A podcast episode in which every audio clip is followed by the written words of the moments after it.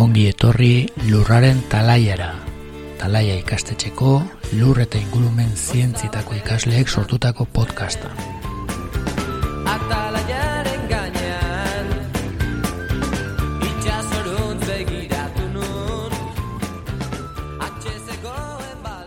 Kaixo eta ongi etorri gure lehenengo podcastera. Podcast honetan ingurumenari buruzko gaiei buruz hitz egingo dugu. Beraz, interesgarra iruditzen bazaizu, gera zaite zentzutera.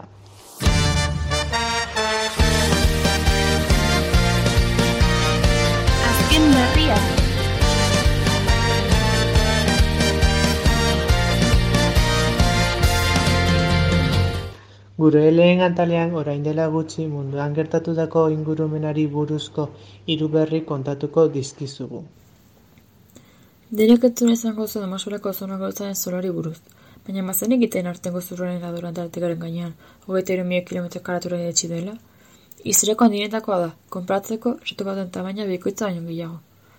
Arazoaren garantez jabetzeko, esango dizuet, ozonak eguzitzea toren erradeztu tremoaren zatiandean xurgatzen duela. Guretzat kaltegarria dena. Ozonak gruza gortzen duten sustantzen erabilera urtero gerozatzularek itzera egiten du. Normala da urrin handiagoa izatea, urtean zehar tamaina zatatzen baita. Baina aurten, esan dugun bezala, bataz besteko baina tamaina handiagoa izan du. Eta are gehiago horrek urtearekin konparatzen badugu, ohiko baina txikiagoa izan zela. Honetaz aparte, nazio hartuen arabera, ozonegruzako zura txikitzen ari da, poliki baina mundu seguruan. Urengo urtetan ozonegruzak konpontzeko eta loreko bizara besteko, atmosfera ozonoa eraldatzen duten sustantzen isurtzari utzi barko diogu. Horretarako modu bat, monraleko protokoloa garraitzen litzateke. Herrialden arteko akordio bat sustantzia hori erabila dekatzen duena. Akordio horrengo zerkastetxo bada ere, aurtengo zurak gogorarazten dugu lan asko dagoela egiteko oraindik.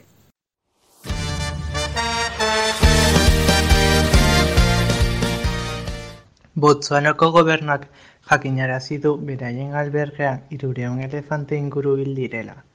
Austral-Afrikako ejekutiboek ez egiten ze arrazoiarengatik hil ziren, eta zientifikoak hilabete batzuk eman dituzte ikertzen, eta bakterio mota bat izan dela konturatu dira. Bakterio mota honek zianobakterioa da, eta fotosintesia egiteko gaitasuna du. Uretan azaleratzen dira eta lurreko eta itsasoko fauna pozoitu ditzakete askatzen dute toksinarengatik. Hildako elefantak lehorten garaian zeudenez, zientifikoak suposatzen dute zianobakterioz beteta zeuden pututatik edan zutela eta horrekatik hil zirela. Oraindik ez dakite zergatik bakterio honek bakarrik elefantei eragiten diete eta ez beste animalei. Zientifikoen ustez oso arraroa da zarrazki jalei ez errez hildako elefanteak jango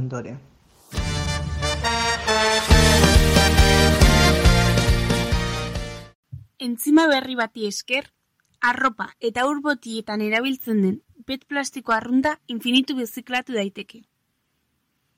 Gure planetan plastikoaren kutsadura kezkagarria da, eta horretarako ikertzaile talde batek plastikozko botilak sei aldiz azkarrago degradatzen dituen superentzima bat sortu du, eta urte bat edo bi barru botila biziklatzeko erabili daiteke.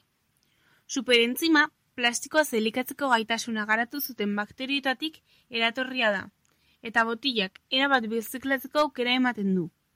Gainera, kotoia deskonposatzen duten entzimekin kombinatuta, arropa ere birzikla dezakeela diote.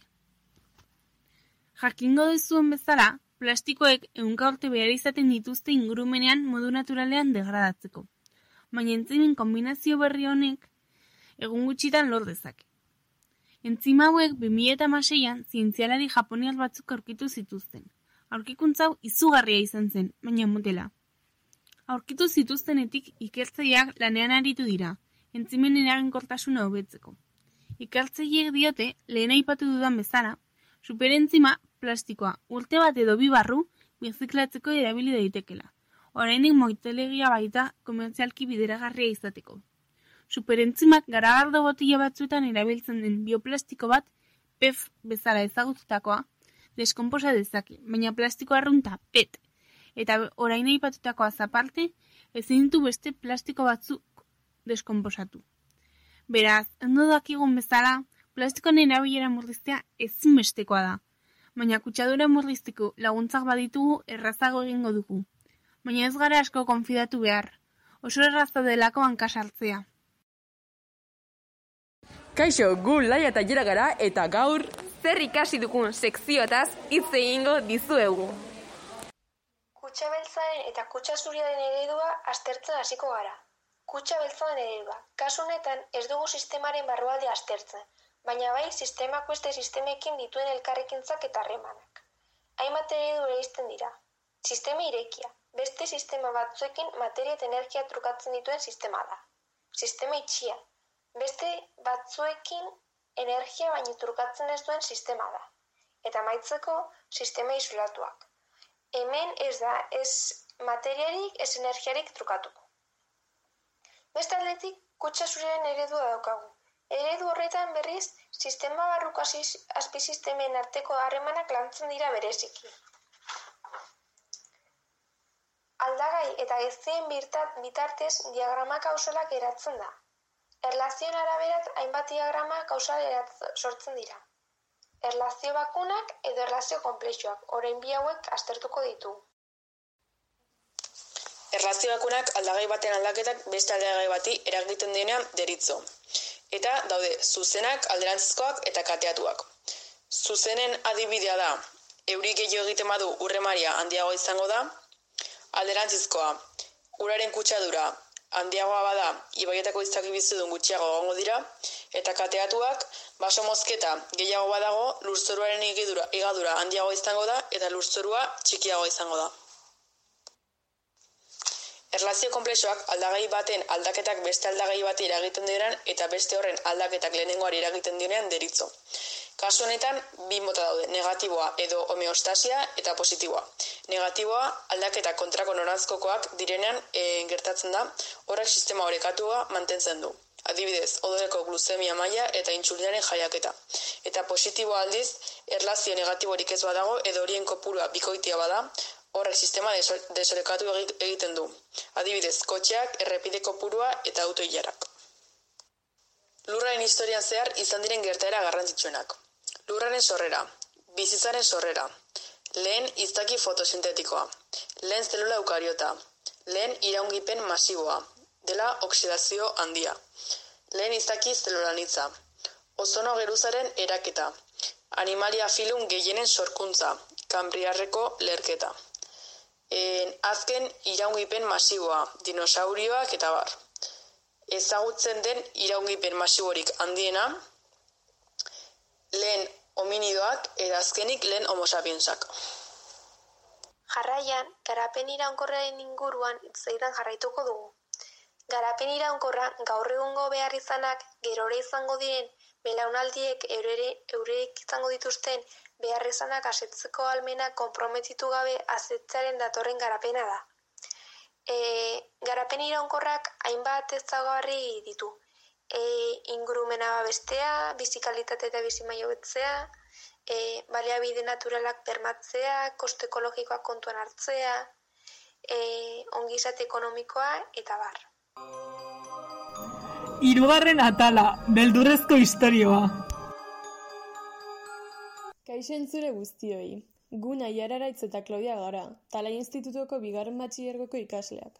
Eta gaurkoan, Txernobilgo zentral nuklearran egon zen ondamendiari buruz izango dizuegu.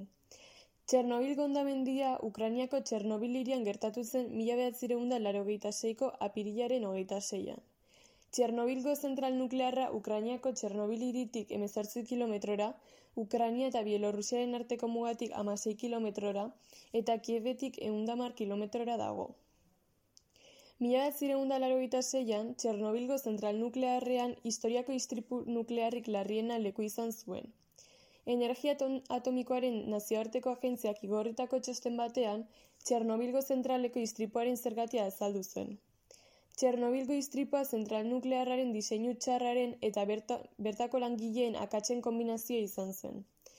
Ark jakinarazi zuenez, mila bat zireunda laroita seiko apirilaren hogeita zeian, larun bata, zentralean ziarduen taldeak proba bat egitea proposatu zuen, erreaktorearen segurtasuna areagotzeko. Probak iraun bitartean, langileek ez zituzten segurtasun protokoloak bete, eta bapatean zentralaren potentzia zentroa handitu egin zen. Honek erreaktore nuklearraren nukleoak gehiegi berotzea eragin zuen eta ondorioz bere barnean bildutako hidrogenoa lertu egin zen. Istripuak berehalako erreakzioak izan zituen. Gertatu eta minutu gutxitara suhiltzaileak jada bertarako bidean zeuden. Suhiltzaileen lan esanguratsuari esker, sua ez zen erreaktore guztietara iritsi. Hala ere, zauritu ugari egon ziren. Bai bertara joan ziren suhiltzaileak, zein hamar kilometroko erradioan aurkitzen ziren herrietako biztanleak. Istripua gertatu eta goita masai ordutara ebakoz, ebakuazioak hasi ziren. Hauek, sei egunen buruan amaitu ziren, jada mila zauritu zeudela. Bertako gasak atmosferara isurtzen jarraitu ziren maiatzera, maiatzaren amabostera arte. Horrez gain, atmosferarekin kontaktuak, kontaktuan zegoen nukleoa 2500 gradu zentigradutara zegoen. Hori osteko, helikoptero bat bidali zuten. Honek, ondarra, buztina, beruna, dolomita eta boro neutroi xurgatzailea bota zituen. Barrurakate erreakzio bat gertatzea saiesteko. Ofizialki, hogeita maika lagun hil ziren zuzenean. Eta Sovietar badasuneko gobernuak beste eunda hogeita mila behartu zituen handik ateratzera. Beranduago, beste berreunda magos mila lagun leku zaldatu zituzten. Gaz kutsagarriak arnaz ez zitzaten. Hiroshiman jaurtitako bomba atomikoaren erradiazioa baino bosteun bider gehiago askatu zela kalkulatu zuten. Ondorioz, Europa iparraldeko eta erdialdeko hainbat zonaldeetan radioaktibitatea detektatu zuten. Epe luztera ondorio larriak eragingo zituena. Izan ere, 2000 bat arte zentral, zentralaren inguruan bizi ziren 3000 lagun hil ziren. Frogatu dutenaren arabera, kutsadura jasan duten milaka pertsonek beren bizitzako momenturen batean pairatuko dituzte ondorio horiek haien osasunean. Vladimir Txernouseko zentraleko garbiketa gainbegiratu zuen fisikari ukraniararen aburuz, orain elikagaien euneko irurogeita marra kutsatuta dago Ukrania, Bielorrusia eta Rusiako eremuan. Ez dago lurra garbitzeko modurik, baina elikagaiak behar dituzten ez, lurrera biltzen dute eta material radioaktiboa jangerira pasatzen da. Horrek gaixotasun ugari eragin ditzake. Halaber, ondamendiak epeluzera izan ditzaken ondorien artean mutazio genetiko kaltegarren areskoa dago, urrengo belaunaldietan bezirek jarraituko duena. Bestalde, istripo gertatu ostean, erraktorearen inguruko pinudi batek kolore marroi hartu zuen eta zuitzak egin ziren. Inguruko faunan ere ondamendi ikaragarriak eragin zituen istripoak, Hala nola, milak animalen eriotza eta beste bat animalien kumetzeko ezgaitasuna. Hala eta guztiz ere, erradiazio ere muan bizitza ere loratu egin da. Bielorrusiak dagoeneko erreserva natural bat izenatu du. Istripoen aurretik biztaratzen ez ziren espeziak dabiltza gaur egun handik, gizakirik ez daitago ere hartan. Hau izan da Txernobilgo ondamendiari buruz guk esateko genuen guztia. Gaurko saioan gauzedariak ikasi dituzela espero dugu. Urrengor arte! Kaixo, eta ongi etorri guztioi, gure sekziora. Inbaditzaia, gu, usu eta maialen gara.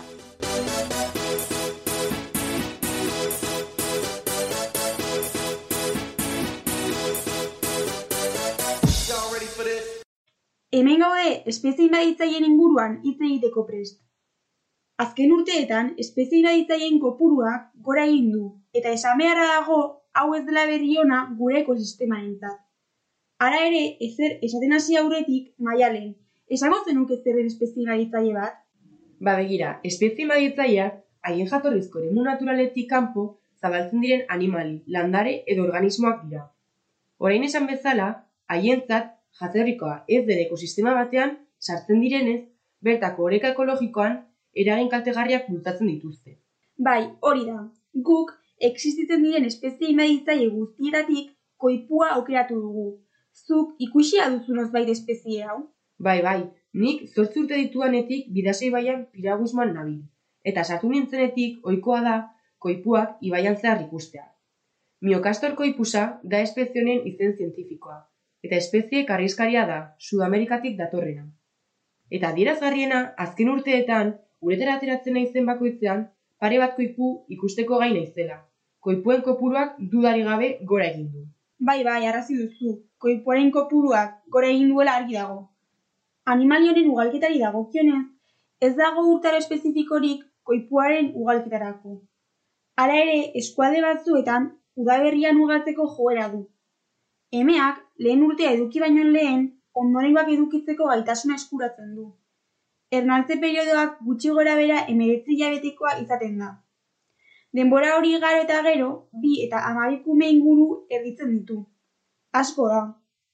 Kumeak hilez estalita jaiotzen dira, eta hiene bakortzak garatuta daude. Hala ere, zortzi aste inguruko edoskitzaldia izango dute. Bizitzako bigarren egunean, kumeak igeri egiteko moduan daude, eta amaren ondoan igeri egiten duten bitartean elikatzeko gai dira. Aipatzekoa da, prozesu honetan, harrak ez duela parte hartzen, ez ernaldi prozesuan, ez jaioberriak hasi edo babesteko prozesuan. Animali hauek belarjaleak dira, eta gainera oso beldurgarriak direla ikertuta dago soilik beren gordelekuetatik hurbil dauden laboreak suntsitzen dituztelako. Bere itxuraren inguruan, tamaina handiko karraskariak dira. Lau eta mar kilogramo artean pixatzen dute. Gorputzak irurogei zentimetro baino gehiago ditu. Isatxa kontatu gabe, aratoiaren antzekoa da. Eta hogeita mar berrogei zentimetro neurtzen du. Animali hauek kolore marroi ilun eta distiratsuko ilaje batez estaldita daude kanpotik. Haren azpian ile gris geruza bat baitago. Begi eta belarri txikiak dituzte. Korputzak lauan kalabur ditu, eta atzek mintz interdigital bat dute, uretan errazago mugitzeko. Karasgari hauek bizitza erdi urtarra dute, eta beraren ezogarriak beren habitatera egokituz joan dira. Emeek bere bular guruinak gorputzaren alboetan dituzte, eta horri esker umei bularra ematen diete uretan mugitzen dauden bitartean. Harrigarria. Ba bai, gauza bitxia. Gai bila uretan dauden bitartean bularra emateko.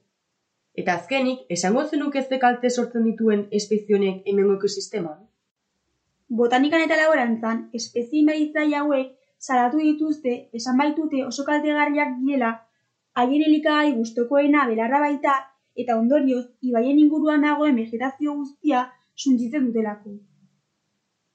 Irisalorrak ere kaltetuak izan dira, espezie hauek amar metroko luzera duten zuloak egiten dituztelako, eta horren eraginez, urez betetzen dira eta hile egiten dira.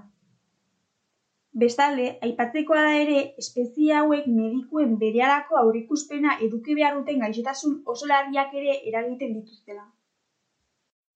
Eta honekin, bukatu dugu gure inbaditzaile sekzioa. Espero dut gustora entzun izana. Ondo izan eta ondo bizi.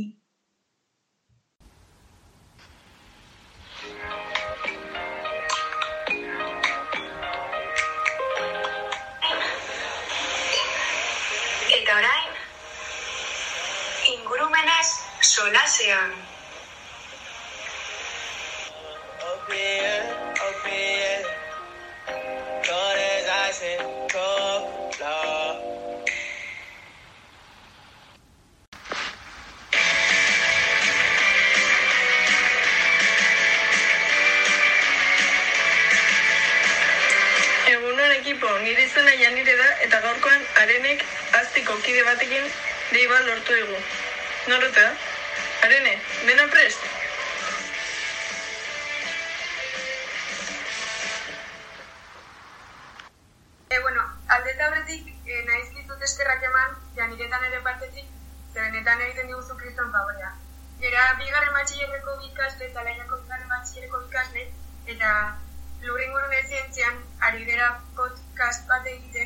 Eskatu gute ingurunean lan egiten duen norbaitekin elkarrizketa bat mantentzea.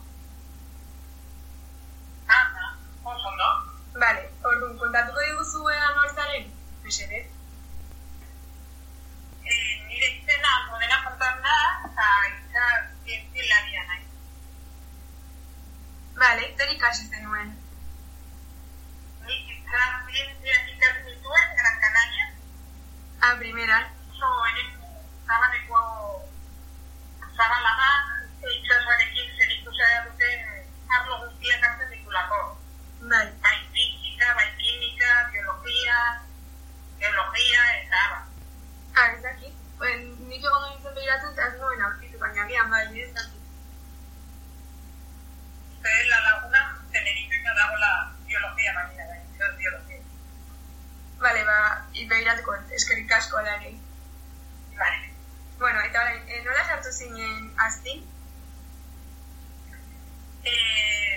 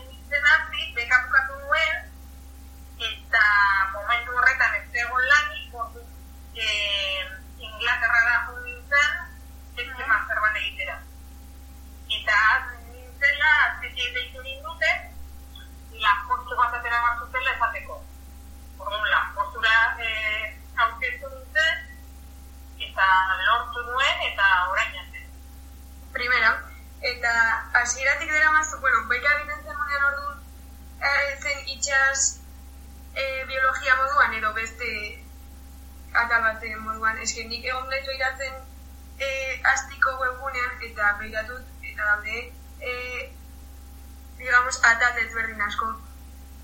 Bai. Bai.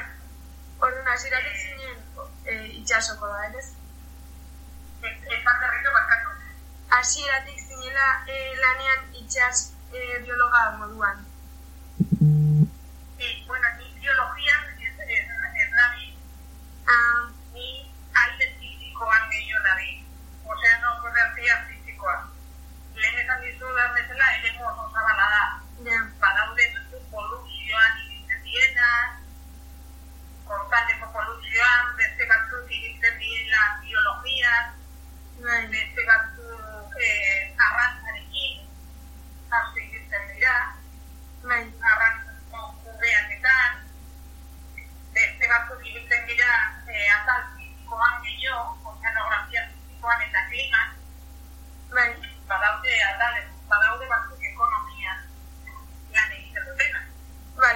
aserate beste batzugira zentratu evoluzioan gehiago, kimikoa direlako, atal asko daude. Bale, orduan, depende zer ikasen zuen, sartu zera tal batean,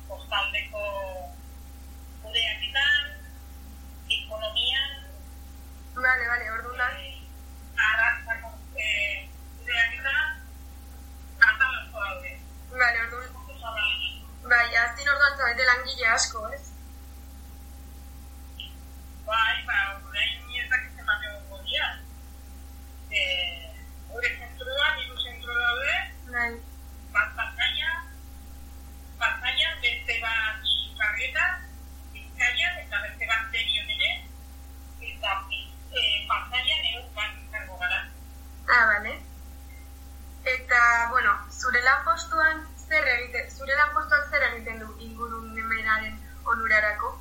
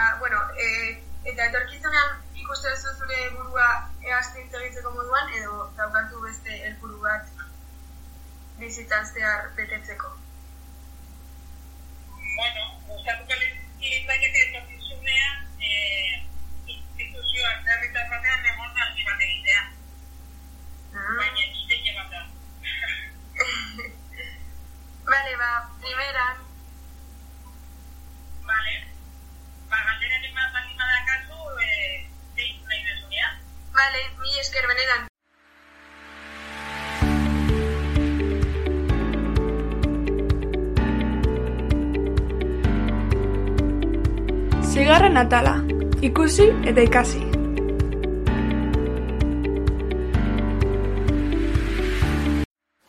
Kaixo guztiei, klima aldaketaren borrokan esperantza galtzen ari bazarete edo inspirazio falta bat duzue, zuentzako pelikula bikaina aurkitu dugu. Hitz egiten ari garen filma 2000 berrogeita. Pelikula hau, etorkizunari begira dagoen film luze bat da. Gaur egun garrantzi handia duena, klima aldaketaren gatik bizi dugun egoera dela eta. Protagonista filmaren zuzendaria bera da, Damon Gamo, eta bere laburteko alabari zuzentzen ari zaio. Gaur egungo ingurumen aztertuz, eta etorkizunekoarekin, 2040 garren urtekoarekin entzuten, alderatuz eta haren evoluzio positiboa ikustarazuz. Gainera, zenbait herrialdetara bidaiatu eta bertako pertsonekin hitz egiten du. Krisi klimatikoari aurre egiteko zer nolako aldaketak egin dituzten azalduz, eta honekin lurralde eta herrialde desberdinetan nolako egoeran bizi diren ikusi dugu. Pelikulak alde interesgarri asko ditu, eta baita txar batzuk ere. Bai, erabat adoz zurekin. Niri gehien gustatu zitzaidana izan da konponbidetako bat emakumeen ahalduntzea izatea. Emakumeak eskolara joanez gero, umeak beranduago eta segurunik gutxiago edukiko lituzke delako eta horrek mundu natural batean jaiotze tasa jaitsiko lukeelako. Niri hori ere asko gustatu zait. Bestalde batetik, izugarri gustatu zait transmititzen duen esperantza. Errealitatea azaltzen digulako, baina konpontzeko moduak erakusten dituelako aldi berean.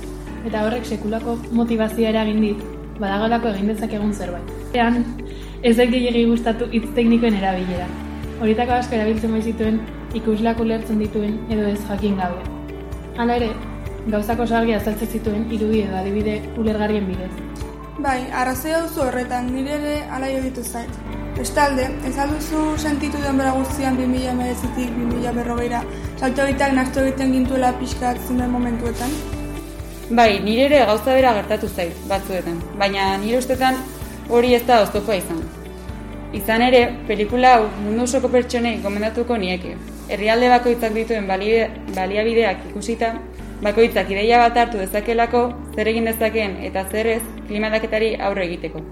Esate baterako lurralde batzuetan batxan jarri dute ala jangarri batzuen azkundea. Munduan azkaren azten direnak eta CO2 hartu eta oksigenoa isurtzen duten bitartean. Adibide honetan eta beste hainbatetan erakusten du, aldaketa egiteko beharrezko, beharrezkoa den guztia badaukagula. Beraz, zer jari gara itxoiten? Hau entzun ondoren, espero dugu pelikula interesgarri eruditu izana. Animatu zaitezte ikustera.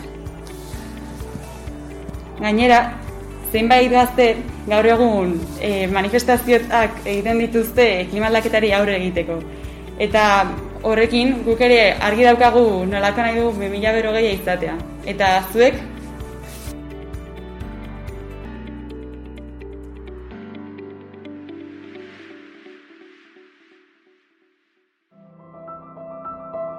Krisa hitzak aukera esan nahi du txinatarrez. Garaiz gaude gure planeta hobetzeko aldaketekin. Guk kontsumari buruz hitz egingo dugu, bertan zerlaketak egin ditzazkegun esanez. Gaur egungo ekonomiak edo motatako produktuak eskura jartzen dizkigu, hauek erosteko eta kontsumitzeko. Kontsumak ez dio ezer txarrari referentziarek egiten, gure beharrak eta nahiak asetzeko ekintza baizik. Koronavirusaren kontuarekin jendearen gehiengo online diren enpresa multinazionalei erosten dizkiete produktuak.